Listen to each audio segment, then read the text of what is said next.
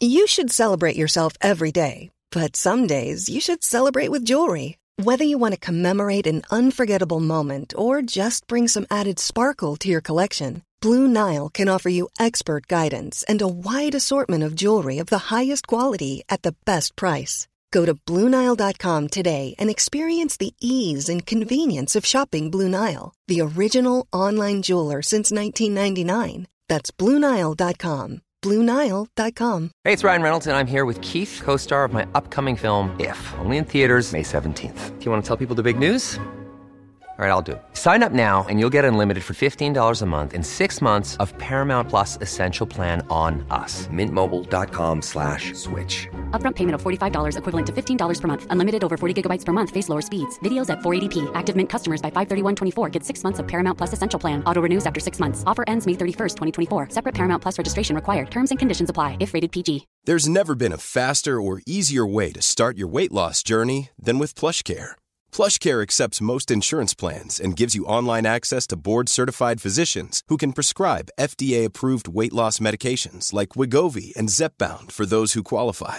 Take charge of your health and speak with a board-certified physician about a weight loss plan that's right for you. Get started today at plushcare.com slash weight loss. That's plushcare.com slash weight loss. plushcare.com slash weight loss.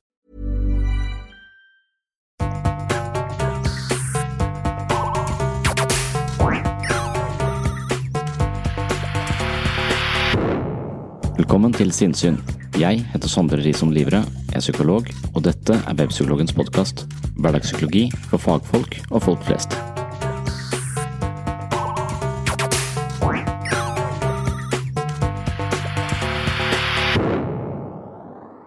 Menneskets følelsesliv og indre finurligheter er ikke alltid like forståelige. Kjenn deg selv, sier oraklet i Delphi. Det samme oraklet påstod at Sokrates var den viseste mannen i landet. Hans metode handlet om å stille spørsmål. Når du skal svare på et spørsmål, må du se etter svaret. Når du får et eh, spørsmål om hvordan du tenker, føler og handler, tvinges du til å ta et blikk på deg selv, noe som krever en form for innsikt. Det er lett for en psykolog å si at du må kjenne etter på egne følelser. Når sånt skal sies, er jeg selv usikker på hvordan man gjør det. For meg er nok selvinnsikt og kjennskap til meg selv en blanding av erfaring med å være meg, forståelse for mine reaksjoner og en stadig nysgjerrighet på alt det som foregår i mitt indre liv. For å håndtere eller utforske mitt indre liv må jeg ha et egnet verktøy, og her kommer psykologien inn i bildet.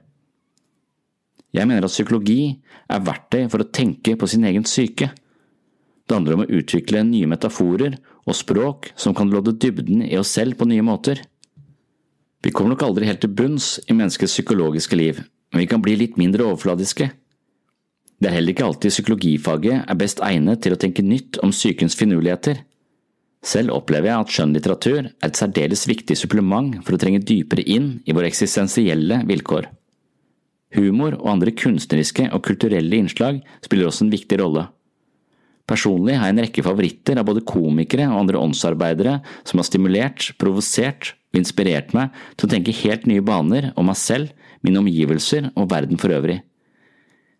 I en slik sammenheng er det ikke så viktig å finne svar på ting, men snarere finne nye spørsmål og betraktninger som tvinger oss ut av tenkning på autopilot. Det er som regel der det ikke finnes noen entydige svar eller forklaringer, som er der det er mest spennende å grave. Dagens episode innleder med noen refleksjoner over verktøy for tenkning og spesielt en liten nisje verktøy som relaterer seg til vårt psykologiske liv. Jeg er på biblioteket i Tønsberg, klokken er 13.00 og det har dukket opp forbløffende mange kjente. Tønsberg er min hjemby, og derfor er det både gøy og litt angstprovoserende at salen er såpass full av folk. Før vi installerer oss på biblioteket i Tønsberg, vil jeg spille av et klipp fra en person som er blant mine inspirasjonskilder når det gjelder å tenke litt i revers eller utenfor boksen. Det er en merkverdig mann ved navn Carl Pilkington, og han har flere snodige uttalelser enn noen andre mennesker jeg kjenner til. Jeg er veldig begeistret for alle de rare tankene som dukker opp i hodet til Carl Pilkington, og her kommer et klipp hvor han snakker med Ricky Garvey og Steven Merchant om fri vilje. Fri vilje er jo et tema jeg selv har vært opptatt av i mange år, og kanskje var det fritenkeren Carl Pilkington som fikk meg på dette sporet.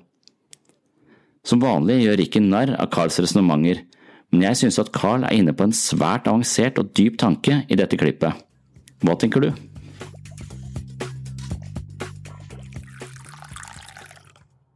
I was thinking the other day about, um, you know, your body and everything because it is amazing, isn't it? How it works. Oh yeah, yeah. Does the brain control you, or are you controlling the brain? I don't know if I'm in charge of mine. Nor do I. There's Carl. a surprise. Nor do I. No, Carl. do, do you know what I mean though by that? Does the brain control you, or do Well, you when control you the when brain? like, don't you ever sort of think sometimes? Say if you're making, But 'cause you I, I are was the making, brain. No, no, but I was making a shopping list, right? Going right, I need some uh, rice, uh, kidney beans, uh, and I thought I had everything, and I sort of was rolling up the paper, and then then something went, oh, an onion. Your Some- brain did something that. went an onion. Was it No, Suzanne? well, my brain, my brain sort of went. You forgot something. Yeah. I, I didn't think I'd forgot. I No, no, you that- are your brain.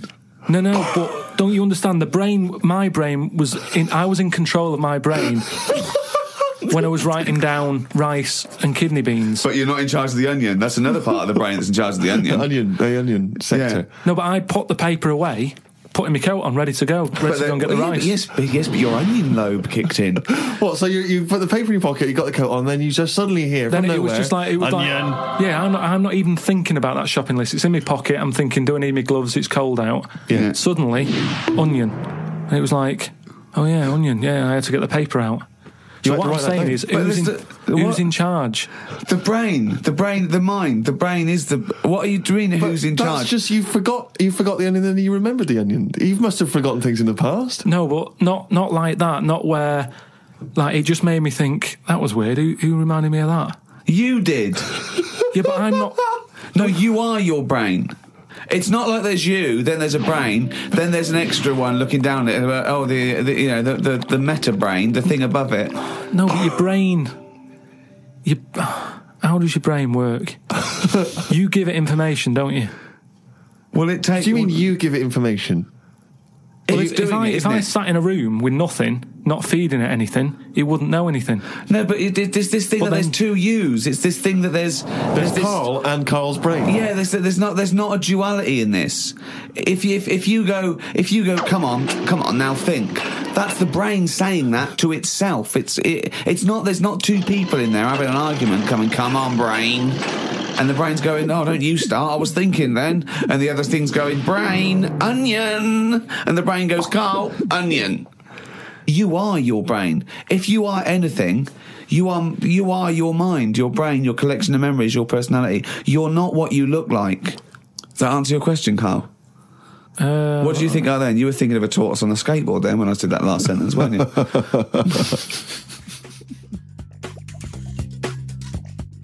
Vi kan godt le og gjøre narr av Carl Pilkington, og det er vel meningen at vi skal det. Men jeg mener uansett at han er en utrolig original tenker. Selv om ikke alle tankene hans korresponderer sånn veldig godt overens med, med virkeligheten, og selv om ikke alle tankene hans er så veldig nyttige, så er det et skråblikk på verden som er uten sidestykke. I dette klippet så mener jeg også han er inne på noe. Han er inne på et eh, sentralt eh, tema rundt dette med fri vilje. Jeg føler ikke at Ricky Garvey egentlig oppfatter det, selv om Ricky Garvey mener at han er mye smartere enn Carl Pilkington, så jeg er litt usikker på det. Carl Pilkington er i hvert fall veldig original, og jeg synes det er helt utrolig hvordan dette mentale maskineriet inni huet på denne mannen klarer å produsere så mye rare ideer om verdens små og store finurligheter. Så for meg så har han vært en, eh, en inspirasjonskilde til å eh, ikke alltid eh, tenke innenfor de rammene jeg er vant til å tenke, men av og til å prøve å tenke litt nytt og litt annerledes. Han er en slags eh, foregangsfigur for å se verden på litt eh, nye måter. Og det syns jeg er spennende. Så jeg anbefaler både reiseprogrammene hans og disse radioprogrammene han har sammen med Ricky Garvey og Steven Merchant, men det er noe de holdt på med for mange år siden. Men det ligger på nett, og du finner det også på podkaster og i andre former. Nå skal vi gå til biblioteket i Tønsberg, hvor jeg skal snakke litt videre om eh, dette med verktøy for tenkning. Og tematikken er altså hvordan kan vi utvide horisonten vår? Overskriften på dette foredrag var egentlig alt du føler er feil. Den overskriften har vi hatt tidligere. Men eh, dypest sett så handler eh, dagens foredrag om eh, måter å tenke på som kan utvide horisonten, altså måter å tenke på som kan gi oss større forståelser for vårt eget indre liv. Hallo, hallo. Hallo, klokken er ett. Filosofien kommer. Gjør dere klar? Dere, det er et lite teknisk problem her på, i denne settingen. Og det er at biblioteket er nøye på at ingen hindrer folk å komme til bøkene. Så Derfor har noen allerede blitt jaget langs den rekken og kom seg opp på scenen. Andre kan ta stoler og gå opp på scenen og sitte med de andre. De er bak der, skulle det være mulig, bak ruinene å sitte. Der kommer stolene. Ta dere en stol. Forsøk å trekke innover så best dere kan, f.eks. opp på scenen. Eva, hører du meg? Flott. Alle må få høre det Sondre har å si. Ok, da skal vi sette i gang. Og vi er veldig glad for at dere alle er kommet. Og Sondre er veldig spent om lyden vil bære, og dere vil være med. Masse ukjente ansikter i Filosofisk hjørne i dag. Det liker vi. Flott. Velkommen. Jeg må une meg å si at vi har en mailliste der vi sender ut tema i begynnelsen av hver uke. Og vi har møter hver fredag her klokken ett.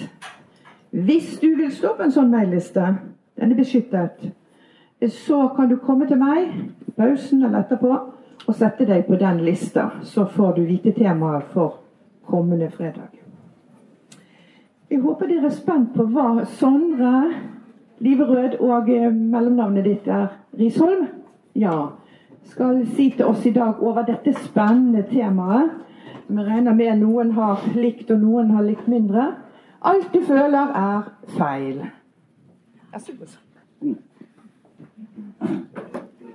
Ja, takk for det. Um, jeg har stått sånn som det her en gang i, i Lyngdal. Da klarte jeg ikke å si et eneste ord. Eh, og det å stå sånn rett opp og ned ikke klare å si et eneste ord uten å ha noe gitar med seg, det er litt stress. Eh, men da var det bare, da var hele lokalet fullt av politifolk. Og de er jeg redd for. Så jeg tenkte det var derfor. Det har skjedd en gang til. Så tenkte jeg det kommer sikkert til å skje i Tønsberg òg, for jeg er litt redd for folk i Tønsberg. Altså. Dette her er på en måte min by. Eh, jeg er ikke sånn overbegeistra for å være på det jeg kaller eh, hjemmebane. Jeg tror jeg spiller bedre på bortebane. For at eh, på bortebane, hvis jeg driter meg ut, så kan jeg bare aldri dra tilbake til den byen. Eh, Så det har vært sånn, eh, sånne ting jeg har hvilt meg litt i. Men denne byen her kommer jeg til å komme tilbake til gang på gang på gang. Så jeg får håpe jeg ikke driter meg ut, egentlig. Og jeg skal snakke, snakke om at alt du føler er feil. Jeg har med dattera mi i dag, men hun gadd ikke komme hit. for Hun spurte hva skal, du, hva skal du snakke om. Jeg skal snakke om at alt du føler er feil. Jeg tenkte litt sånn Det er bare teit. Eh, ja, men er, alt du føler er feil. Alt du tenker er feil også. Så, jeg, så tenkte jeg litt i det. Ja, hvis alt jeg tenker og alt jeg føler er feil, så er det ikke vits å si noe. Så kan du bare bli med meg på shopping isteden. Så kan du bare droppe hele greia.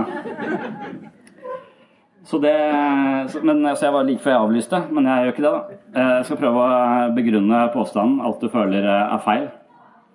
Uh, og jeg vet ikke om jeg skal begrunne den heller, men det, det jeg tenker at eh, den eh, overskriften er, det er det, Jeg vil kalle det en, en slags eh, verktøy for tenkning. da, 'Alt du føler er feil'. Eh, og og sånn En interessant ting som jeg har tenkt litt på i det siste, som jeg har hørt eh, en favorittfilosof av meg, som Daniel Dennett, snakke om. Han snakker om noe som Flynn-effekten. Og Flynn-effekten den sier at eller Flynn er en, James Flynn var en psykolog da, som, som fant ut at Det er helt åpenbart, men poengterte at mennesker blir smartere og smartere. Det tror jeg kanskje går litt andre veien akkurat nå for tida. Eh, men generelt sett så blir mennesker smartere og smartere. Eh, og det betyr at eh, vi har en IQ-test, vi har en Vice-test. Vi driver og prakker på folk innimellom for å finne ut av hvor smarte de er. Eh, og den Vice-testen må hele tiden revideres, fordi at eh, vi skal ha et eh, snitt på 100. 100 skal være gjennomsnittet på befolkninger, ikke sant? Så vi må ha snittet på 100. Og når, folk da, når gjennomsnittet begynner å bevege seg over 100, så må vi justere testen og gjøre den litt vanskeligere. Så hvis vi tenker at vi her i dag har et gjennomsnitts-IQ på, på 100, kanskje, kanskje det er 110 siden det er sånn filosofihjørne, da er de kanskje litt smartere enn gjennomsnittet. Det kan man forvente. Men, men hvis vi er her 100, så ville vi på den testen som de hadde på 1930-tallet, så hadde vi skåret 130. Så vi blir smartere og smartere av en eller annen grunn. Eh, og det Daniel Dennett eh, er inne på, er at han, han, evolusjon kan ikke gjøre regnskap for det her, for hjernen vår har ikke blitt så mye større. Men han mener at vi har eh, nye måter å tenke på som, eh, som, hjelper oss. Vi har flere redskaper for tenkning. Og jo mer redskaper for tenkningen vi har, jo bedre tenker vi. Så man kan si at man kan liksom ikke, man kan ikke lage et eh, Man kan ikke bygge et hus med bare hendene. Og man kan ikke gjøre så mye tenking med bare hjernen heller. Man trenger redskaper for, eh, for tenkning. Og psykologi, som er mitt fag, da, jeg driver med psykoterapi i gruppe eh, på Sørlandet. Det handler veldig mye om å finne nye redskaper på å forstå sitt eget, eget indre liv. Tørr i munnen allerede. Det dårlig tegn. Dere skremmer meg litt. Men alltid jeg føler det er feil, så da er jeg sikkert ikke skremt. Um, en av de uh, verktøyene for tenkning er, uh, som er mest kjent, og som dere sikkert kjenner til siden det er filosofihjørnet, er Descartes' onde demoner. Og, og, Det begynner jeg med for å argumentere for at alt vi føler og tenker er feil. Altså, og, og Det var det Descartes kom fram til. ikke sant? Han, han lå jo Så vidt jeg vet, så, så, lå han veldig lenge om morgenen og dro seg i senga. og Det var da han tenkte best. Han oppførte seg litt som en tenåring, har jeg inntrykk av. Han, han sov, sov, til klokka ett, har jeg lest. Uh, men da kom han på mange, mange lure ting, mer eller mindre lure ting. Og en av de tingene han uh, funderte på i sine meditasjoner, det var jo om alle mennesker kan ha en demon som sitter inni hodet vårt og på en måte forkrøpler alt vi opplever. Så altså, Det kan jeg egentlig ikke vite. Jeg kan ha en demon som sitter her inni hodet mitt og lurer meg til å tro, tro ting som overhodet ikke stemmer overens med virkeligheten. Eh, så selv eh, sånne fakta som at to pluss to er fire, det kan jo godt være fem for alt jeg vet. Denne demonen kan jo lure meg til hva som helst. Eh, og det er jo det han, han er kjent for. altså at han, han, begynner å tenke mer og mer på dette. Jeg kan ikke, jeg kan ikke, jeg kan ikke vite noe. Alt kan være falskt. Men for at det skal være på en måte noen å lure her, denne demonen Jeg må eksistere, må være en person her som det er mulig å lure. Så for at denne demonen skal ha noen å lure, så må jeg eksistere. Så jeg har en bevissthet. Jeg tenker, derfor er jeg på en måte, som er Descartes sin eh, ting. Så han tenker, jeg må være en bevissthet som det er mulig å lure, men alt det jeg tenker i denne bevisstheten min, det kan potensielt sett være eh, feil. Så alt jeg tenker kan være feil. Det er hans utgangspunkt. Og jeg mener det er litt godt, uh, sånn Innenfor psykologi da, så er det et litt godt utgangspunkt. Og, og, det er litt det vi på en måte tenker når jeg har folk i Eh, I, i, behandling så prøver jeg å installere denne intuisjonen om at eh, alt du tenker potensielt sett kan være, eh, være feil. For de har en tendens til å tenke ganske negativt og føle ganske negativt om seg selv. Så jeg tar utgangspunkt i Descartes' demoner. Forteller folk at de har en demon inni hodet sitt. Og der mange sier ja, det visste jeg fra før. Akkurat det har jeg gått og tenkt hele tiden. Det er derfor jeg er hos deg. Og det er derfor jeg tar sterke medisiner. Eh, eh, så, så det, det, er sånn, sånn eh, og, og, jeg tenker at det, Dette er også Freud sin innsikt. ikke sant? Dette er det, det som gjør at Freud hadde i trang fødsel. Han sa til folk altså de, de, de, mente at de var oppegående, rasjonelle individer som kunne tenke klart og tydelig. Men Freud sa at alt du opplever, filtreres via nevrosene dine. Så du har en hel haug med nevroser som er på en måte installert eh, i deg av, via alle dine erfaringer med andre mennesker opp igjennom. Så du har på en måte et apparat til fortolkning, og dette apparatet er hele tiden farget av din historie. Så alt du opplever på nytt, filtreres via disse nevrosene, og du, lager, du fabrikkerer din helt egne private opplevelse av verden, og du kan ikke ta for gitt at den stemmer overens med den virkeligheten som er, eh, er der ute. Så Freud hadde litt sånn trang fødsel, nettopp fordi han på en måte fratok mennesker denne eh, fornuften eller rasjonaliteten sin, og sa at veldig mye av det vi holder på med, er styrt av ubevisste krefter som vi ikke eh, er klar over.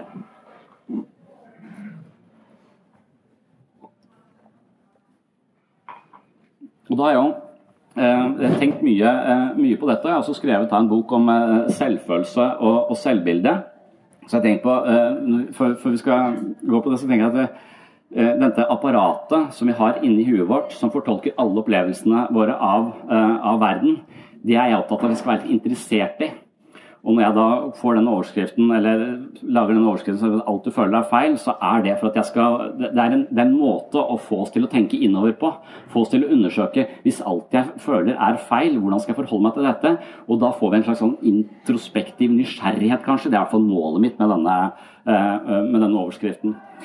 Um, og det tenker jeg det er det jeg også prøver å installere hos mennesker. Være litt mer nysgjerrige på hva som foregår på innsiden. For mange av de menneskene jeg møter i min hverdag, de kaller jeg litt eh, Jeg føler de er litt sånn så psykologiske fundamentalister. De er litt fundamentalister på egne, på egne, vegne. De har veldig klare ideer om at de ikke er like gode som andre, eh, at de er mislykka, at ingen liker dem, eh, at verden er livsfarlig. Så de har mange ideer som de argumenterer veldig godt for. Uh, og, og idet jeg begynner å si at, ja, at, verden er så farlig, det stemmer ikke med en gang jeg kommer med motargumenter. Så finner de på enda flere argumenter, og så lager de enda tjukkere vegger i den virkelighetstunnelen som de har satt seg fast i, og, og sånn holder de på. Så terapi handler jo ikke om å motbevise folk, det handler om å, å, å undersøke, spørre de hvordan kom du fram til denne konklusjonen, få de til å stå litt utenfor seg selv og beskrive denne virkelighetstunnelen som de opplever. Og med en gang du begynner å beskrive dette apparatet som du har inni deg, som fortolker alle opplevelsene dine av verden og deg selv, så har du på en måte frigjort deg lite grann. Du har tatt ett skritt ut av Platons hule. Da. Det er ikke så mørkt at du er nødt til nå å stå og se på din egen måte å tenke og føle på. Og, og, kanskje undersøke det der jeg sier der, det er så bombastisk på at jeg er mislykka. Det har jeg, er det mange som har sagt til meg hele veien her, men, men, jeg har jo heller aldri prøvd å lykkes. Jeg har jo alltid unnviket alle mulige eh, utfordringer. Så, så, jeg har vel ikke egentlig god nok empiri eller godt nok belegg for å, å, å stå på den, på den, påstanden. Og hvis vi har kommet dit, så har vi hjulpet de litt ut av en trang måte å se seg selv og, uh, og verden på. Så, så, og Hvis vi ser, går til Piaget, som er sånn uh, utviklingspsykolog uh, han, han, Faren hans var professor og ateist, mora var hjemmeværende og kristen.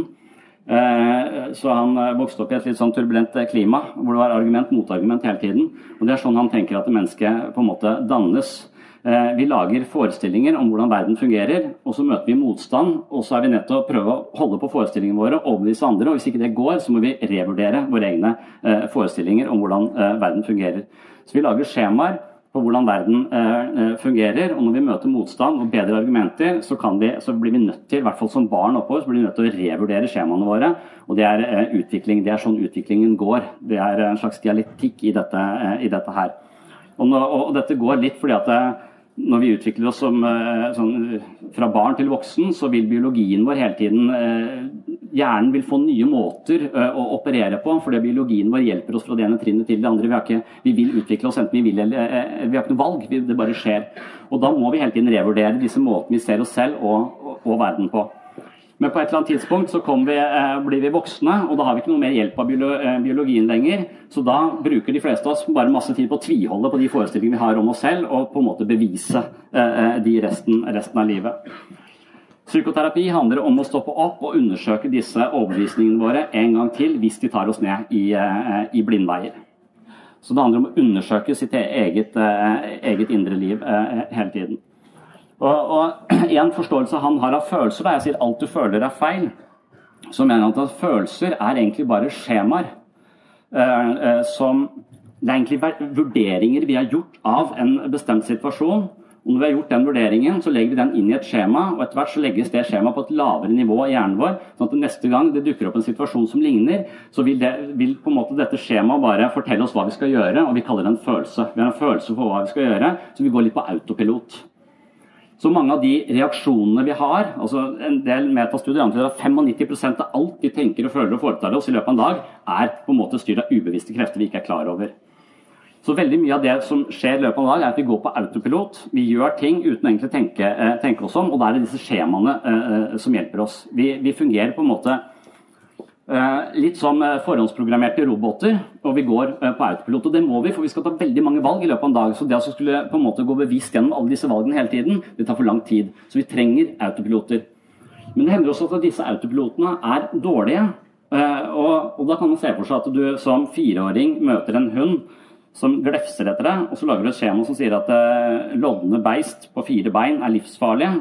Og så legger du det på et lavere nivå i hjernen din, og hver gang du møter et loddent beist på, på fire bein, som noen kaller menneskets beste venn, eh, så reagerer du med en voldsom frykt og stikker av.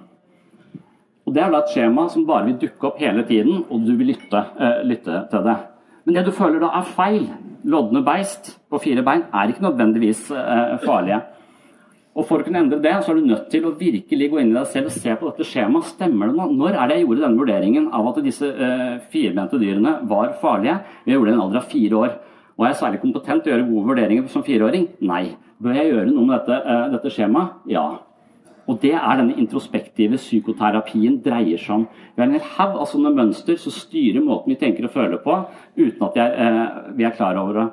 Og Hvis du da har, tar utgangspunkt i at alt du tenker og føler er feil, så har du et godt utgangspunkt for forandring da, og bevegelse. Eh, og Det er på en måte målet mitt eh, her i dag. altså Foreslå at det finnes veldig mange måter å tenke på nytt på. Og, og, og, det finnes en del sånne historier og fortellinger som kan få oss til å revurdere en del av den autopiloten som vi, som vi bare går på. Men mange av oss har gode autopiloter, og da er det helt greit. Da kan du bare kjøre på de autopilotene. Men de fleste av oss har en del autopiloter, en del skjemaer, som tar oss inn i situasjoner som er ubehagelige. Kanskje hvis vi andre mennesker er skremmende. Det at jeg syns det er ubehagelig å stå her i dag, er et skjema som ikke nødvendigvis er noe særlig bra for meg. Så det bør jeg kanskje, kanskje, eh, kanskje se på. Eh, så vi har masse sånne, eh, sånne, skjemaer som vi med fordel kan begynne å kikke litt, litt nærmere på.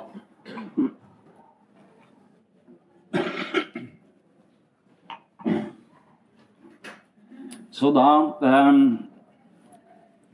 er og, og flere sånne jeg tenker, Det å snakke om at alt du føler er, er feil altså Da har vi, vi har en hel del eh, algoritmer kan man si, eller skjemaer som går på autopilot eh, hos oss hele, hele tiden. Eh, og eh, Mitt forslag er da at vi istedenfor å gå på autopilot, tenker oss litt om eh, eh, hver gang vi reagerer, spesielt i de situasjonene hvor vi vet vi reagerer litt uhensiktsmessig. Og når jeg sier det til pasienter, sier de at ja, men jeg kan ikke gå rundt som en sånn rasjonell robot. Jeg gidder ikke å, jeg må følge følelsene mine. Det er når du følger følelsene dine, du er en robot. Følelsene er forhåndsprogrammerte skjemaer som får deg til å reagere på bestemte måter. Vi kaller det følelser. og Hvis du bare følger de, så er du en robot. Hvis du nettopp ikke reagerer på autopilot, men tenker deg om én til to til tre ganger før du reagerer, så er du det motsatte av en robot. Da er du systemoperatøren i ditt eget psykologiske liv, som på en måte kan skape nye algoritmer der de ikke fungerer eh, eh, godt nok. Og det er jo potensielt sett alt vi føler feil, så da må vi, når vi reagerer i situasjoner det er uhensiktsmessig, koble inn eh, rasjonalitet fremfor å, å fungere emosjonelt. Eh, så ja. Eh, en annen eh, sånn På en måte hva skal man kalle det en, eh, en eh, det er jo det at ideen vi har om hvem vi er, og, og, og hvordan livet vårt på en måte Eh, hvor vi skal hen, eh, og hvordan vi kom dit vi er nå. Alle disse ideene eh, vi har, er installert i oss av andre, andre mennesker og erfaringene vi har, har, gjort oss opp igjennom. Så vi dannes jo som mennesker i møte med andre, andre folk. Og det jeg kaller selvbilde eller selvfølelse, det er på en måte En ting er hvordan du vurderer en hund, om du vurderer den som farlig eller ikke. En annen ting er hvordan du vurderer deg selv og, og din egen verdi som menneske. Eh, og jeg tenker Vi er sosiale vesener, så all den operativsystemet som forteller meg hvem jeg er og hvorvidt jeg er verdifull, det er installert av de menneskene som jeg har vokst opp sammen med. Det er sånn som viktig idé i, eh, i, psykologi. Så hvis jeg har fått eh, forståelse av mine nærmeste, at jeg er en ok person, at jeg er verdt å elske, så blir det også min idé om, om meg selv, og det kan være det operativsystemet jeg møter, møter verden med. Men mange av de menneskene jeg møter, de har uh, opplevd det motsatte. De har kanskje ikke hatt foreldre som har fortalt dem at de ikke er gode nok, men de har kanskje hatt foreldre som uh, istedenfor å være oppmerksom på barnet, er på mobiltelefonen. Det er uh, litt uh, vanlig. Jeg, vært, jeg, er jo småbarnspappa. Jeg har en datter på to år som driver og vandrer rundt i byen her nå. Og jeg har jo akkurat Jeg, jeg har jo akkurat vært hjemme i pappaperm, da. Eh, og den største trusselen mot min datters eh, selvfølelse er eh, iPhone 6, eller 5, eller hva det er for noe, for noe det vet jeg ikke. For, for, det er jo via mitt blikk, det er i min på en måte, Hun lærer om verden via meg. Eh, så, så hun, hun, vil hele tiden møte verden, være nysgjerrig. Og når det oppstår noe hun syns virkelig skummelt, så ser hun på meg for å sjekke om det er farlig. Så jeg forteller henne mye om verden, men jeg forteller også hvem hun er. Så når hun reagerer voldsomt, så kan jeg speile henne og si ja, nå er du veldig sint uh, fordi jeg må bestemme over deg, men, uh, og det er en vond følelse, og du har lyst til å drepe meg, for du er to år. De er de mest voldelige personene uh, på planeten. De er toåringer. Ja, men jeg har en fireåring òg. heldigvis så har de ikke, har de ikke motorikk nok eller styrke nok i armene til å ta livet av meg, men de har lyst til det veldig, veldig ofte.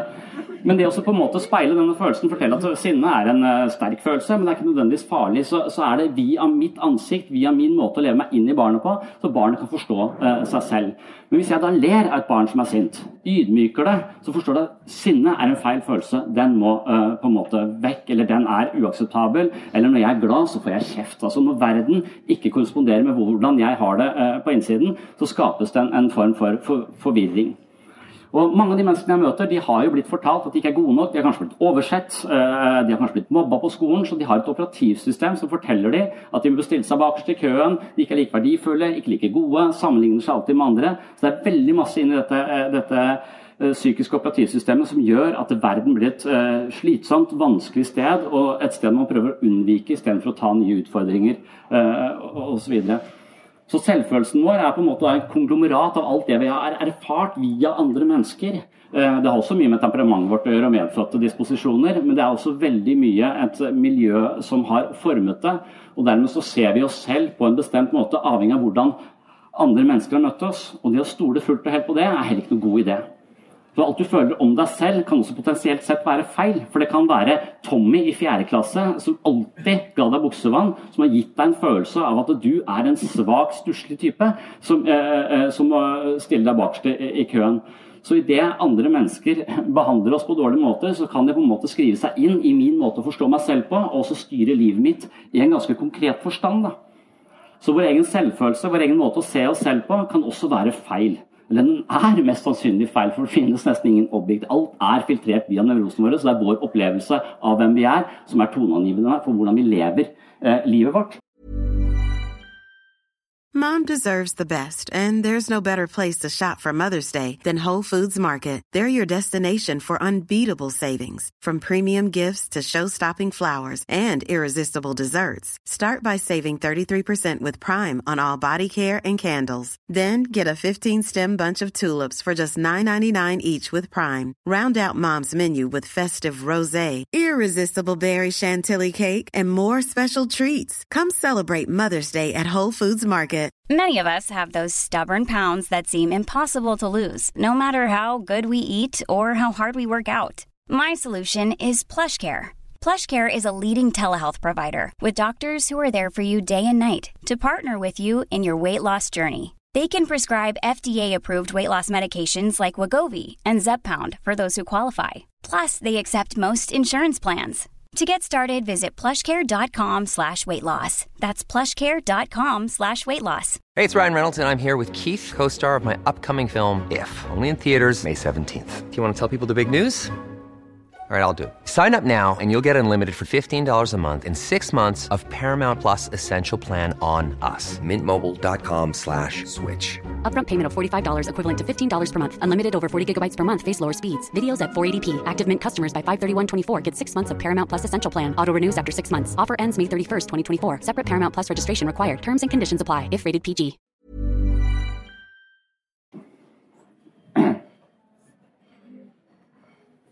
Og det er viktig. Så en sånn, en, en, det jeg kaller en slags um, et tenkeverktøy, eller det Daniel Dennett kaller et tenkeverktøy, det er nettopp denne sånne type forståelser av vårt eget indre liv. Men det er også små historier som uh, Descartes' demoner, som sier at alt du tenker og føler, uh, føler er feil. Og en annen sånn historie som jeg, liker, uh, som jeg liker godt, er denne litt sånn ondskapsfulle nevrologen. For det finnes nemlig en, eh, en nevrolog, eller det finnes nå en chip som du kan få installert i huet ditt hvis du har mye tvangstanker. Eh, og vi har, også, vi har, en egen avdeling for de med tvangstanker. Eh, OCD, de som vasker seg på hendene hele tiden, ser bakterier. Det ser vi jo ikke, så det er jo helt umulig å kontrollere, men du kan prøve på det med antibac og våtservietter. og, disse folka, de Jeg bor i Kristiansand, der må de ta danskebåten, men det kan ikke de. De har veldig lyst til å reise til Danmark, men de kan ikke de kan ikke gå på et offentlig toalett, så da må båten snu. For det er for mange bakterier på dette offentlige toalettet. Så de er full, full av tvangstanker. Det, det overtar hele, eh, hele hodet deres.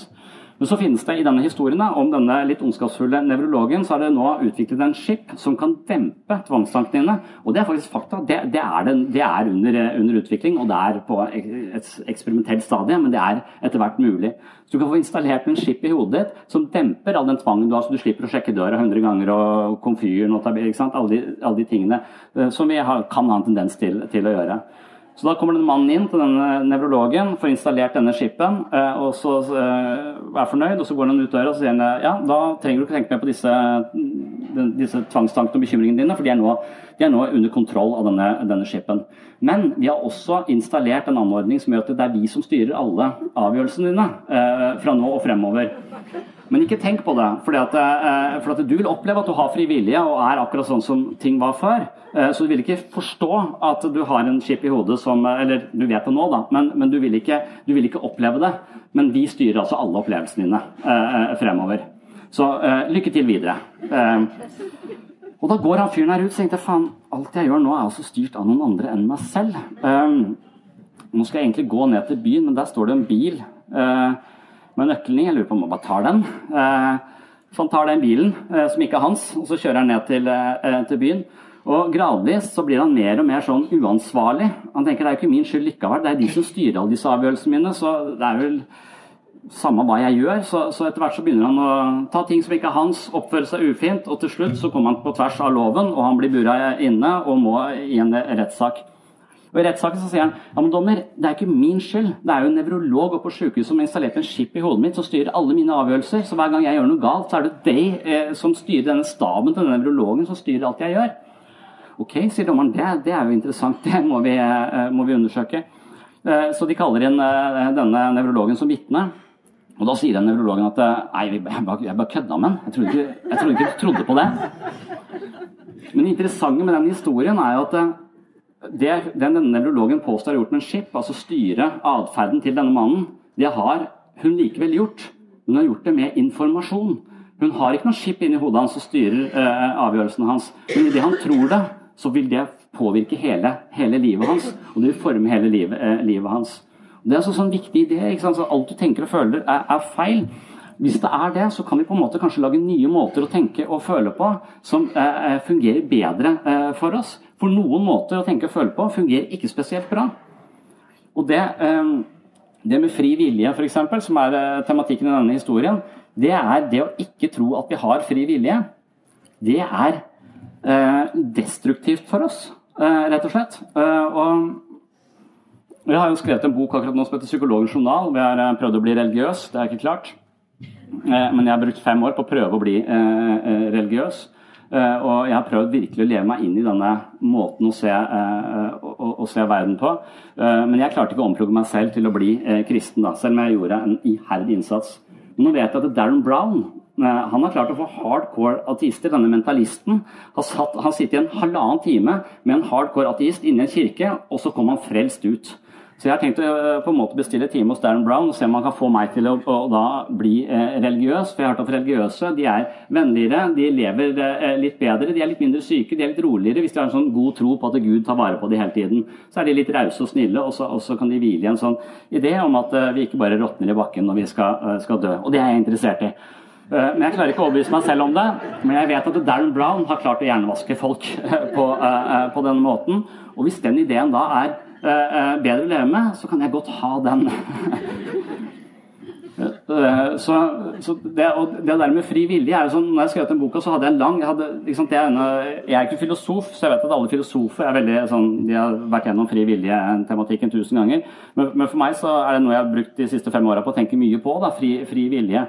Eh, og I den boka så, så blir jeg sånn overbevist av Sam Harris som sier at vi har ikke noe, noe frivillige. Altså, vi er bare, eh, alt vi gjør og foretar oss, er eh, årsak av andre ting som har skjedd før, som er utenfor vår kontroll. Så vi er totalt determinerte. Vi kan ikke bestemme dette på noen måte. Vi tror vi har frivillige, det er en illusjon, men vi har egentlig ikke noe eh, frivillige.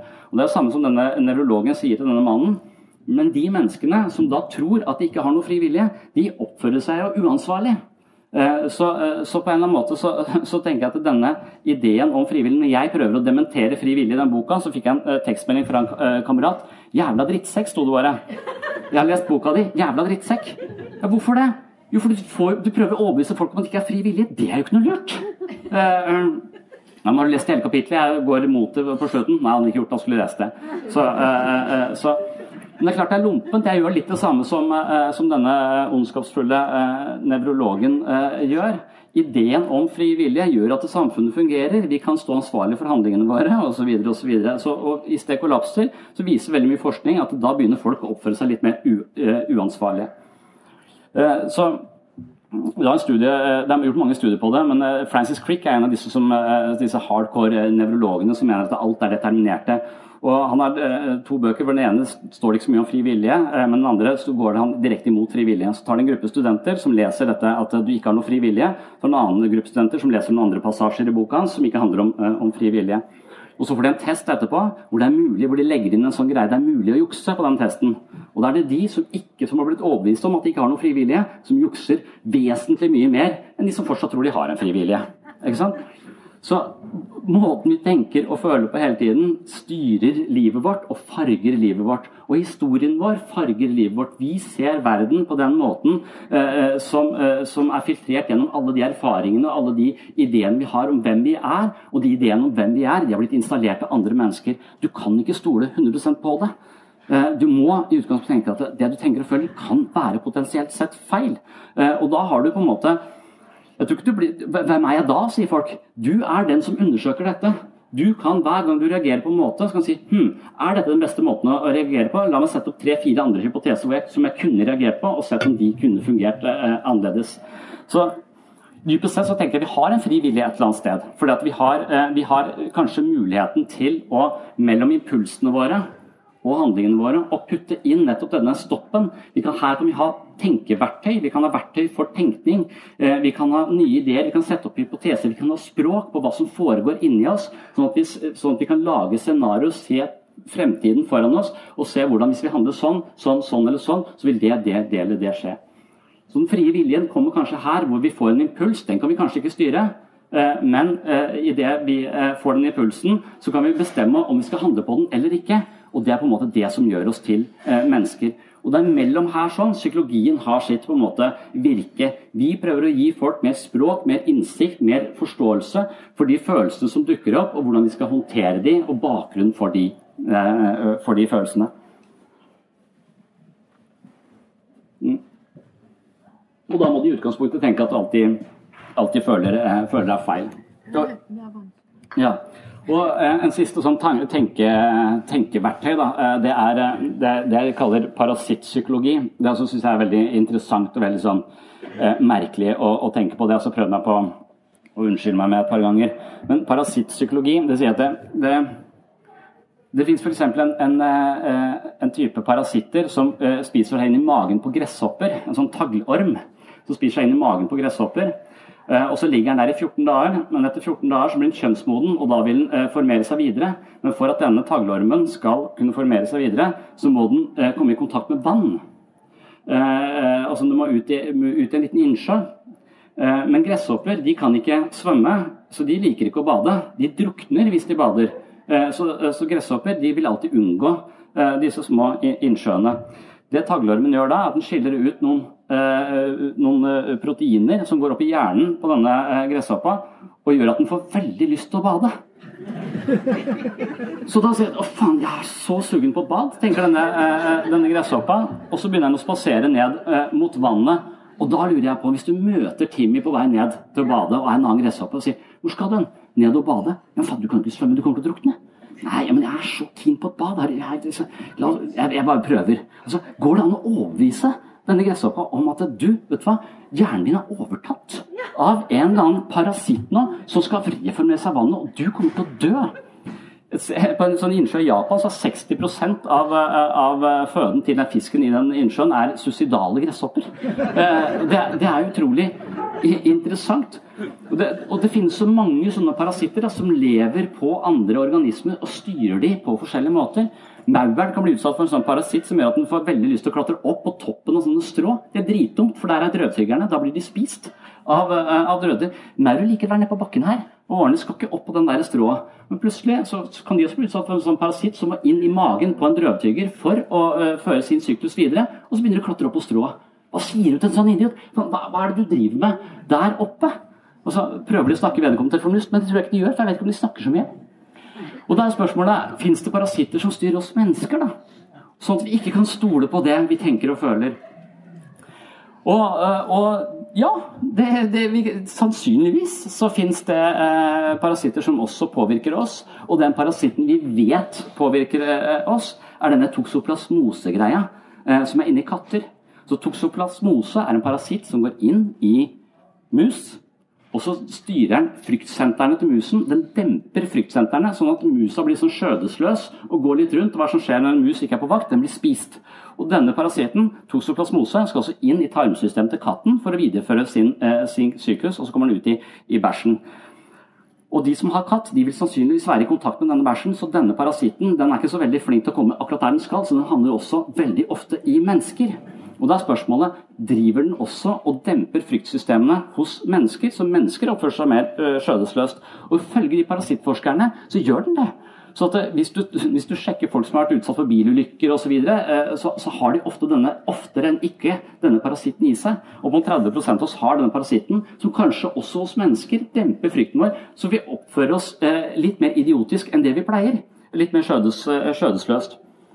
Og den der prøvde jeg meg på, for at jeg, eh, i fjor sommer så er vi er på en hytte, og der har vi sånn der knebrett. Eh, og, ja, da hadde jeg Sønnen min var fire år da, og tenkte jeg det må du prøve. Søstera var åtte, hun var også keen på å prøve, men la lillebror gå først for å se åssen det her gikk. Eh, for hun er, hun er smart. Så, så, vi var ute i den båten med 20-25 hester, gå dritfort. Og så skulle vi dra han opp på dette brettet hvor han satt og holdt seg fast. Jeg brukte noen ganger, klarte ikke, men til slutt så fikk vi det til. Og så bare puff, rett opp, og så kom det ei ferje. Jeg bare svinger rundt denne ferja, kjører opp i, i hekken på den ferja og forbi med sønnen min bak på fire år. Mens jeg filmer det. For jeg tenkte det her må kona mi se! Det er dritkult! Så jeg, så jeg filma hele, hele, seansen, og så sendte jeg det. Og så fikk jeg bare med sånn capslock tilbake 'Kom hjem!' Skjønte ikke hvorfor jeg ikke var begeistra med smilefjes og klapping og, og, og sånn. Så måtte jeg kjøre tilbake, kjøre tilbake igjen. Uh, og så sier han du kan ikke kjøre med han hengende bak der når det kommer denne digre ferja ute, uh, ute, i fjorden der. Og da sa jeg men det er ikke meg, det er toksoplasmose.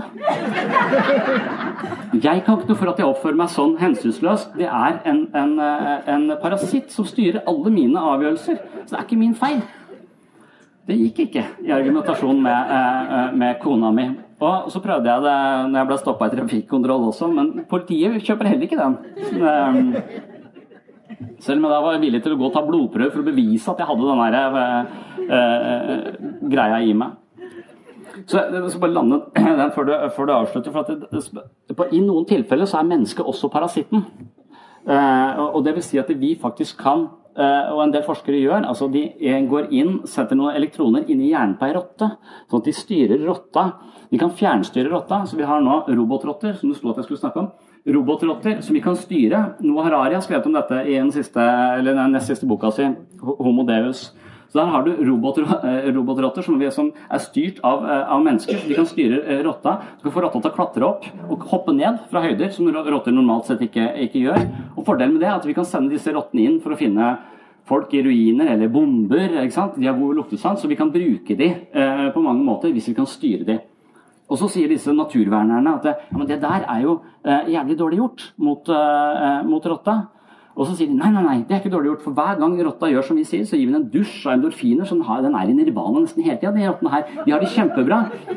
Og, og ja, men dere, dere, dere kontrollerer jo hva de, hva de, vil. Ja, men de tror de vil det. De, når de føler de vil det, så gjør de det de vil. Det er bare det at vi styrer hva de vil. Uh, og hvis ikke vi styrer det, så er det bare tilfeldighet for å styre hva de vil. Så dette her er ikke noe, uh, noe galt i det hele tatt. Vi styrer rotta. Og, og det neste spørsmålet er går det an å styre mennesker på den måten. Og da skriver Harald ja, det gjør jo det. Vi kan, vi kan, på en måte kunstig fabrikkere både følelser av kjærlighet, vi kan fabrikkere sinne, vi kan fabrikkere glede, eufori. Mange av disse, Ved å stimulere hjernen til mennesker så kan vi fremprovosere bestemte, eh, bestemte følelser.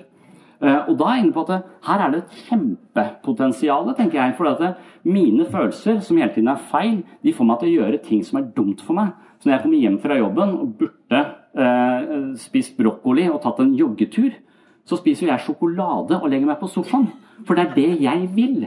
Men hvis det da snart finnes en hjelm som jeg bare kan ta på hodet, som på en måte har disse elektronene som kan styre hva jeg har lyst til, altså styre følelsene mine for bestemte ting, og jeg kan da programmere denne eh, hjelmen til å gå hjem, spise gulrøtter, for så å, eh, å ta en joggetur i skogen og ha all verdens tålmodighet og leke med barna til de skal legge seg, så hadde jeg villet ha den hjelmen. Og fikk kjøpt den på et eller annet apotek til 599 kroner med gratis oppdateringer i fem år. Så hvis jeg har en hjelm som kan styre all motivasjonen min, så, så vil, eh, så, så vil eh, vi, Psykologer vil være overflødige da. Da kjøper du bare en ny programvare, avhengig av hvordan personen du vil være. Det som er litt kjipt, at alle blir sånne joggere, og jeg, synes, jeg misliker joggere. Jeg syns de er irriterende. Så alle har blitt helt like og jævlig irriterende og jævlig perfekte. Så, så det er jo litt, eh, litt kjipt. Og en annen ulempe er at det kanskje går an å hacke den hjelmen. Så når jeg da kommer hjem og bare har lyst til å klippe plen, så tenker jeg nå har kona mi tukla med den jævla hjelmen, eh, hjelmen min. Og da må jeg i hvert fall tenke at alt jeg tenker og føler er feil. Men hvis det er bedre enn det jeg tenker og føler i utgangspunktet, hmm, kanskje jeg bare skal ha en sånn hjelm? Uh, det, er, uh, det er et spørsmål, i hvert fall. Ja. Jeg lurer på hvilken hjelm Sondre har hatt på seg i dag. Altså. Vi må først klappe, selvfølgelig.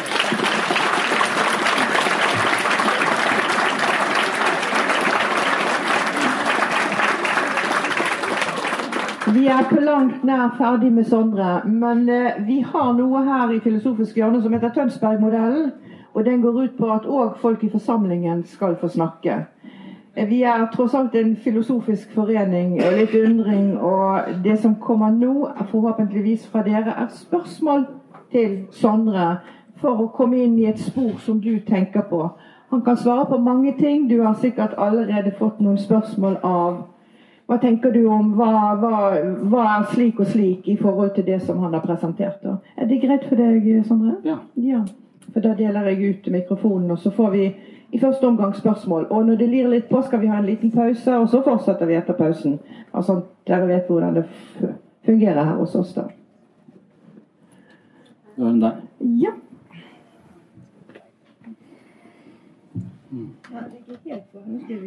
Den må ligge sånn. Sånn må den helst ligge for at alle skal på. Jeg vil bare si at alt det du sier, stemmer. Jeg har jobba med det i mange år nå. Og akkurat sånn som du forklarer det, så, så er det riktig. Så jeg syns det var veldig fint forklart. Vi mennesker gjør jo ting som er uheldige for oss hele tiden. Selv om vi vet det er, er uheldig for oss flinkest til å sabotere oss sjøl. Ja. ja. Og, og det, det, er også en sånn, For disse filosofene, når Daniel Dennett snakker om dette, så har han en sånn annen sånn intuisjonspumpe, som han sier. og Da sier han at eh, la oss se for oss et fengsel hvor folk eh, er innlåst, men egentlig ikke vil være der. De vil ut av fengsel. Liksom. De, er, de, er, innlåst i et fengsel. Men hver eh, kveld etter at alle fangene har sovna, så går en av fangevokterne og låser opp alle fengselscellene. Så i løpet av natta så er de potensielt sett frie. De kunne bare gått ut. Men rett før de våkner om morgenen, så går de og låser det igjen.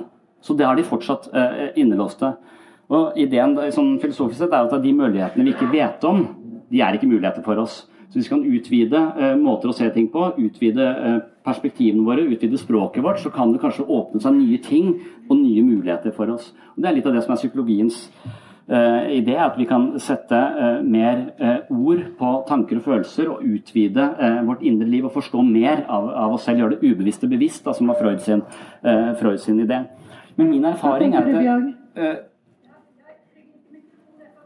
ja, for det, det, det, som er med de menneskene jeg møter Jeg sier at ok, nå sitter dere i dette fengselet hvor dere bestemt dere for at det dere tenker og føler, er, er riktig, og dere tenker og føler at det er dårligere enn alle andre, at, dere, at verden er farlig, dere har angst, depresjon osv. Men vet du hva? Dere tenker feil. Alt du tenker og føler er feil. Så nå er døra oppe. Du kan bare gå ut. Du er fri. Men det vil de ikke. Og det er frykt. Og det er nettopp det, for Frykten er en følelse som er veldig sterk, og som hele tiden holder oss tilbake fra forandring. Så istedenfor å endre måter å tenke og føle på, så vil vi som regel bare tviholde på de vi har. For de demonene vi allerede kjenner, de er tryggere enn de vi ikke vet hvem er.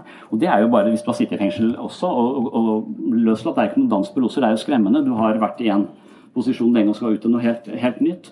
Så det som vi sliter med i psykisk helse, er å få folk eh, til å tørre forandring. Selv om den forandringen går fra å føle seg mislykka til vellykka, så er det skrittet der ekstremt stort. Selv om det høres ut som å, så, så fint, eh, det var godt å vite, så er ikke det godt å vite. For ansvaret ved å være vellykka er tungt, og det er, det er skremmende, det er så mye. Så frykten vår vil ofte anspore oss til å bli sittende i fengselet.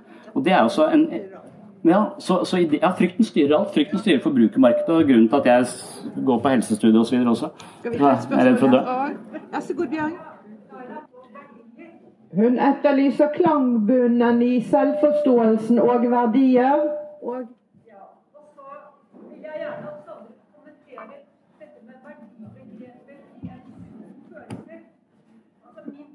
Sondre må kommentere verdibegrepet i følelser. Løper rundt. Det blir litt for hardt. Ja. Forsto du den, eller er det greit? Ja, jeg vet ikke helt om jeg forsto uh, Men det eneste jeg tenker på, det er det som har vært veldig opptatt i den siste boka uh, som jeg skrev hvor jeg, jeg, er jo litt sånn mytologisk anlagt, og jeg er veldig troa på at mennesker trenger store fortellinger. Så det er ikke sånn, Selv om jeg, når jeg sier at alt du føler deg feil, så høres det veldig sånn postmoderne og relativistisk ut. Uh, og det er ikke på en måte noe egentlig Jeg tenker at det, det vi føler og opplever, uh, må vi ta med en klype salt, i hvert fall. Vi må undersøke det med vårt eget indre, uh, indre liv. Men jeg tror at det å være menneske nettopp ikke er at vi fungerer ikke på autopilot. Vi, vi har en mulighet til å ikke handle på impulsene våre og legge inn moral, etikk også, og, og, og, selvforståelse og prinsipper og verdier mellom impulsene og handlingene våre. Og det å ha en sånn felles plattform her sånn, mellom impulser og handlinger basert på verdier, det tror jeg er ganske Eh, viktig. Og jeg har vært sånn hardcore ateist, men en av de argumentene jeg ville liksom tenke for at det, ja, men Er det mulig å være sånn kulturkristen, på en måte? Sånn at vi har alt vi tar Vi leser eh, kanskje Bibelen på en litt mer psykologisk måte. Vi ser ikke eh, fyren i Gamletestamentet som en uh, psykopat, men mer som en slags fortellinger om problemene å være å leve som et menneske og se på Gud som en slags inkarnasjon av hvor mye du står på i dag og ofrer i dag, så vil belønningen eller straffen komme da senere. for det er på en måte sånn de mennesker, vi, vi kan tenke om fremtiden vår, og vi kan stå på i dag for å få, få gjort noe, noe, fremover. Det er også masse psykologisk forskning som viser at medfølelse og kjærlighet for andre, raushet osv. det ligger i toppen av Maslows behovshierarki. Det er metabehov, det er ikke egosentriske behov. Det er behov når vi er i balanse, behov for å gi noe. Og det på en måte praktiseres i mange av de store visdomstradisjonene aktivt. Og jeg tror kanskje ikke det er noe som kommer av seg sjøl. Jeg tror kanskje vi trenger en aktiv praksis for å bry oss om andre mennesker. Uh, og det er ikke sikkert at kristendom uh, har vært det beste, eller at kirken har gjort den uh, jobben den nødvendigvis skal, men, men, jeg har vært nå i masse menigheter over, lang tid, og jeg ser at de hver søndag tenker på noe andre enn seg sjøl. Jeg ser at de hver mandag driver samler med at de har en praksis for disse tingene som egentlig ville gjort alle ganske godt. da. Eh, så, så, det der verdigrunnlaget når vi tror på noe som andre mennesker ikke tror på, så prøver vi ofte å bombe de folka. Men da har vi i hvert fall en slags felles kjerne. Eh, mens hvis, nå så føler jeg kanskje at verdigrunnlaget vårt smuldrer litt opp i at vi bare har hvordan vi får vårt eget verdigrunnlag styres av algoritmene til YouTube. Uh, og, og, Netflix. Uh, for at vi, hvis vi er på en måte mytologiske vesener, at vi, vi, Alt det vi trenger for å leve, er ikke koda inn i DNA-et vårt. Vi må også ha fortellinger om hvordan mennesker lever liv for å hjelpes gjennom ulike faser av livet. Og Da trenger vi disse mytologiene, vi trenger disse fortellingene som en slags støttespiller i livet vårt. Eh, og hvis vi bare kaster de store fortellingene ut med badevannet, så får vi ikke noen felles fortellinger lenger. Vi får bare mange sånne random fortellinger styrt av uh, de store firmaenes algoritmer. Og jeg er litt usikker på om den Det kan bli litt skummelt, for da blir vi sittende i vårt eget lille ekkokammer. Jeg, jeg, er veldig opptatt av Sam Harris. Og når du er opptatt av Sam Harris, så kommer det plutselig en mann som Ben Shapiro. Og så kommer det Etter hvert så blir du dratt ned i et mørkt hull langt ute på høyresida. Uh, og, og, og det, er, det, er, som om hele YouTube bare fanger holdningene mine og verdiene mine. For ja, det Ben Shapiro høres jo ganske fornuftig ut, det han sier der. Kan ikke alle de svake kan vi ikke bare fjerne de fra samfunnet? For de forstyrrer jo, de ødelegger for veldig mange andre. Så plutselig så bare Hva er hvor er, hva har skjedd? Eh, på en måte. Så, eh, så, jeg tenker kanskje at vi trenger å fokusere på det, men ha en slags felles plattform, og kanskje filosofihjørne eller kafé som dette er et sted hvor vi nettopp kan uh, diskutere moral og etikk da, og finne en slags felles uh, klangbunn i det. Det er vi enig i. Kom her, og, og her er du, holdes det oppe disse tradisjonelle verdiene. Da. Takk skal du ha, Bjørg. Da har vi et spørsmål til.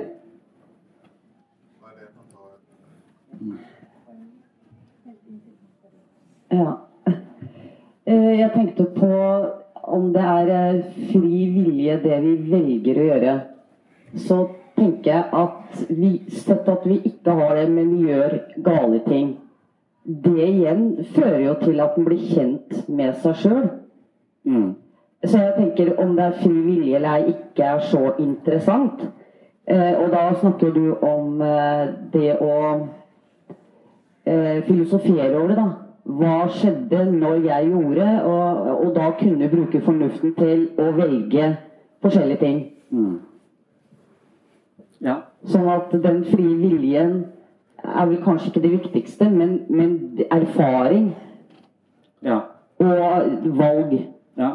Ja, det er enig. Så eh, jeg tror ikke vi kan komme til bunns i den saken på fri vilje. på en måte. Daniel Dennett er jo han kaller en kompatibilist, så han mener vi har det. Men jeg mener han omskriver eh, problemet. Andre mener at vi absolutt har fri vilje, og noen mener at vi overhodet ikke eh, I et rent naturvitenskapelig univers er det ikke plass til fri vilje, ifølge mange, eh, mange teoretikere. Det er, det et av de kristnes eh, hovedargumenter, er at eh, pga. at Gud har gitt oss fri vilje, så finnes det ondskap i verden, fordi mennesker kan velge det onde. Så, det er, så vi er nødt til å tro på Gud for å ha fri vilje. Det er- møter jeg veldig mye i menighetene. Men poenget ditt da, eh, er jeg litt enig i. Men for, for meg så er det, dette, dette er en ny sånn eh, måte som, som har hjulpet meg. Så, eh, jeg er opptatt av selvhjelpsbøker. Jeg er veldig sånn selvhjelpsinteressert. Uh, uh, fordi jeg syns at jeg selv er en idiot ofte og trenger å oppføre meg annerledes.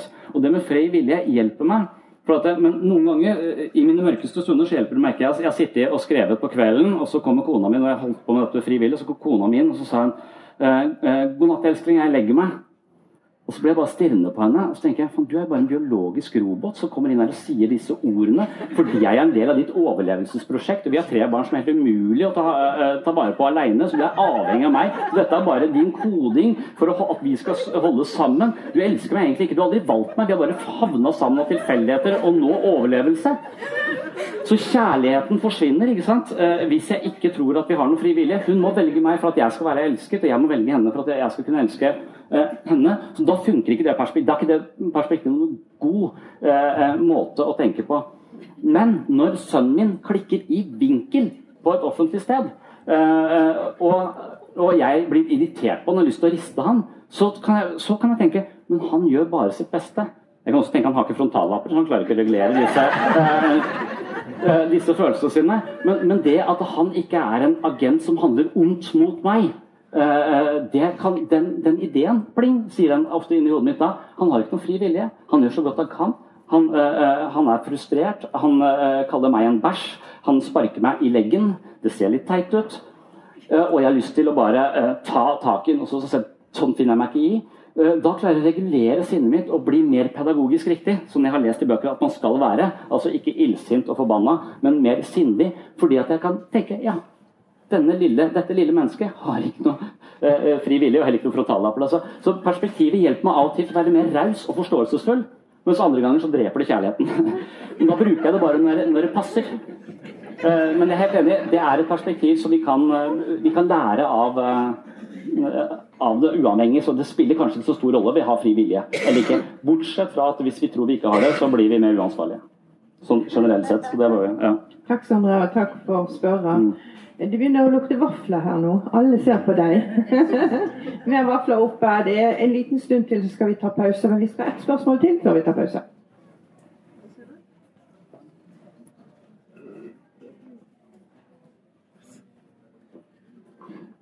Ja.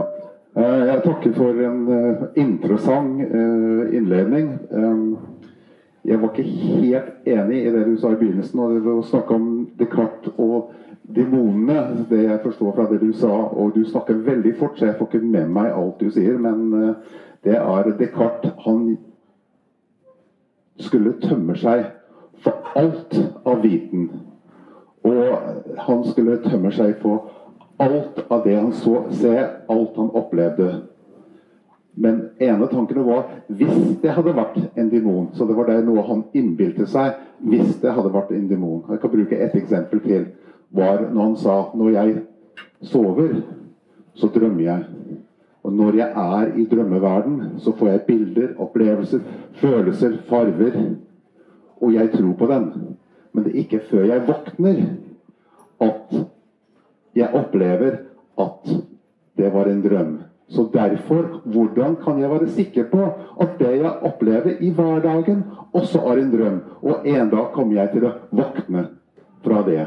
Så det syns jeg var litt viktig, istedenfor å si at vi har en demon i oss, og at vi har faktisk eh, en empirisk opplevelse av verden. Og alt vi opplever i verden, det er med Jeg kaller det for legoklosser. De er med på å bygge opp den bevisstheten vi har i her og nå, som skal forklare hva er det vi opplever i her og nå. Så vi bruker de empiriske opplevelsene til å forklare nuet. Ja. Det, det var fint innspill. Også, men den samme opplevelsen eh, er jo det du hører fra noen som har meditert lenge. Eh, og, at og En del av det som jeg vil fram til, er at jeg ikke stol på egoet ditt. på en måte. For de fleste av oss har et ego i underskudd som lurer oss til litt sånn anstrengte livsprosjekter som sier at bare vi får den karrieren, bare vi tjener det, bare vi kommer dit, bare vi kommer dit, så skal det bli bra. Ego er en sånn størrelse som aldri er fornøyd. Aldri, vil aldri vil ikke være, i hvert fall hos mange av oss, har, en sånn, eh, har et sånt ego som hele tiden jager oss videre i livet, eller sitter fast i fortiden og er bitter for ting som har skjedd. Så ego lurer oss til å aldri være på en måte til stede i øyeblikket. Og, og de som har meditert lenge, som har sittet på en måte som en observatør til ego sånn, Jeg er ikke tankene og følelsene mine. Jeg er den som observerer tankene og følelsene mine komme og gå inni min egen bevissthet. Jeg er rommet hvor alt skjer. Jeg er ikke det som skjer. Altså, så, så har de av og til den beskrivelsen av å våkne fra en drøm. Alt det jeg kjempa for, hvor viktig det var for meg at dere likte meg, hvor viktig det var, hvor viktig det Alt dette ego-forfengelige kjaset og maset som gjør livet vårt, gir livet vårt både angst og anstrengelse, det er når du har stirret lenge på ego, så skjønner du at ego er ikke noe annet enn en mental konstruksjon. Ideer du har om hvem du er og hva du må ha for å få det bra. Eh, Og, og når du skjønner at det bare er mentale konstruksjoner, ikke noe faktisk virkelige, så er det som å våkne fra en drøm. Og det er som en måte å få denne indre roen. Så, så den samme beskrivelsen som Descartes har der når han tenker ja, drømmen kan jo lure oss til å tro at dette her er, eh, er virkelig. Den, den har jo eh, de som har meditert lenge, ofte i livet. De mener at det å denne enlightenment, da, opplysningen, er å våkne fra livet som om det var en, en slags drøm. Min, min, grunnen til at jeg sier tankene og følelsene kan du ikke stole på, det er at mine pasienter, eh, og, og meg selv også til en viss grad, stoler for mye på tankene og følelsene mine. Så, så hvis du har opplevd mye traumer, så er det som om disse menneskene sitter eh, eh, i en eh, har ideer inni hodet sitt, og akkurat som en god regissør vil klare å lure oss til å tro at det som foregår på lerretet, er faktisk eh, eh, ekte. Så, vi kan bli redd av en film som er regissert, selv om vi vet at det er Stephen King som har med viten og vilje gått inn for å skremme livskitten ut av oss, så tror vi på det og er redd for å gå hjem aleine. Altså, så Vi handler som om det var eh, sant. Og Av og til så har vi mange mennesker spille en sånn film inni hodet sitt. Og vi har også veldig mange negative tanker. For sånn evolusjonært sett så vil det å tenke negativt og krisemaksimere litt være eh, overlevelses... Eh, det er gunstig for overlevelse. For hvis du blaffer et eller annet i periferien her, og du tenker det er sikkert bare en busk, og det er en løve, så dauer du. Så, så du bør være litt sånn Kan det være farlig? Kan det være farlig? Kan det være farlig? Så vi går rundt med sånne filmer og krisemaksimerer scenarioer inni, inni hodet vårt. Kanskje litt for, eh, for mye. Så det, dette med Descartes det er sikkert en viktig korrigering, også, men disse måtene som nye måter å tenke på som jeg tror kanskje den sier Da blir vi litt smartere. Eh, Vi, vi, er, som, vi er som en mobiltelefon, og, og når du sier det til meg, så får jeg en litt ny måte å forstå det på. Og jeg får en ny app inni hodet mitt som jeg kan bruke til å kanskje forvalte livet mitt litt annerledes. Så av og til tenker jeg meg selv som en mobiltelefon, så forskjellen på 1930-mennesker i dag er at vi har flere apper. Eh, Vi har tenkt mer, og vi har flere gode historier som vi kan bruke til å tenke bedre. Eh, og, og det bidrar denne typen dialoger til. Eh, mm. Du Sandra, jeg tenkte spørre deg et spørsmål. Jeg syns du så du hadde noen bøker eller noe der nede. Hadde du Ja, det? ja, jeg er interessert i å selge bøker og ta kort. Ja! Hedda på en kortmaskin. Ja. Men det, det er flott.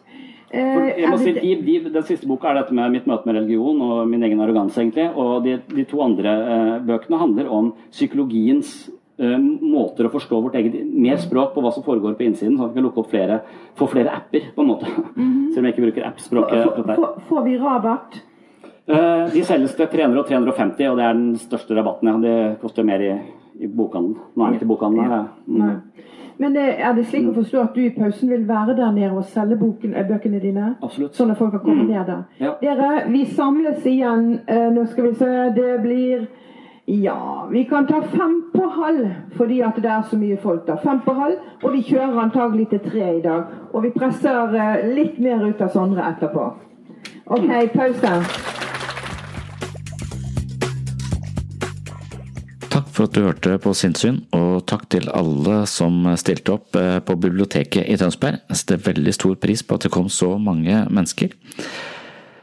I dag gidder jeg ikke å si at jeg har bøker til salgs på webpsykolog.no, så jeg tar rett og slett bare og avslutter med en gang og sier på gjenhør i neste episode.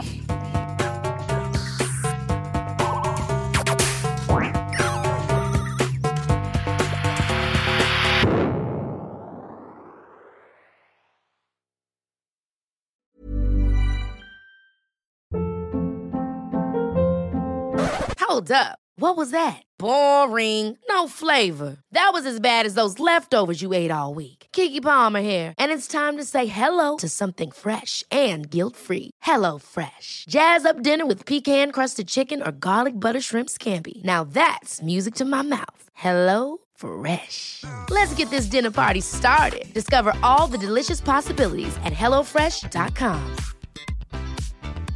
Even when we're on a budget, we still deserve nice things. Quince is a place to scoop up stunning high-end goods for 50 to 80% less than similar brands. They have buttery soft cashmere sweaters starting at $50, luxurious Italian leather bags, and so much more. Plus, Quince only works with factories that use safe, ethical, and responsible manufacturing. Get the high-end goods you'll love without the high price tag with Quince. Go to quince.com slash style for free shipping and 365-day returns. Imagine the softest sheets you've ever felt. Now imagine them getting even softer over time. That's what you'll feel with Bowl and Branch's organic cotton sheets. In a recent customer survey, 96% replied that Bowl and Branch sheets get softer with every wash. Start getting your best night's sleep in these sheets that get softer and softer for years to come. Try their sheets with a 30-night guarantee. Plus, get 15% off your first order at bowlandbranch.com. Code BUTTERY. Exclusions apply. See site for details.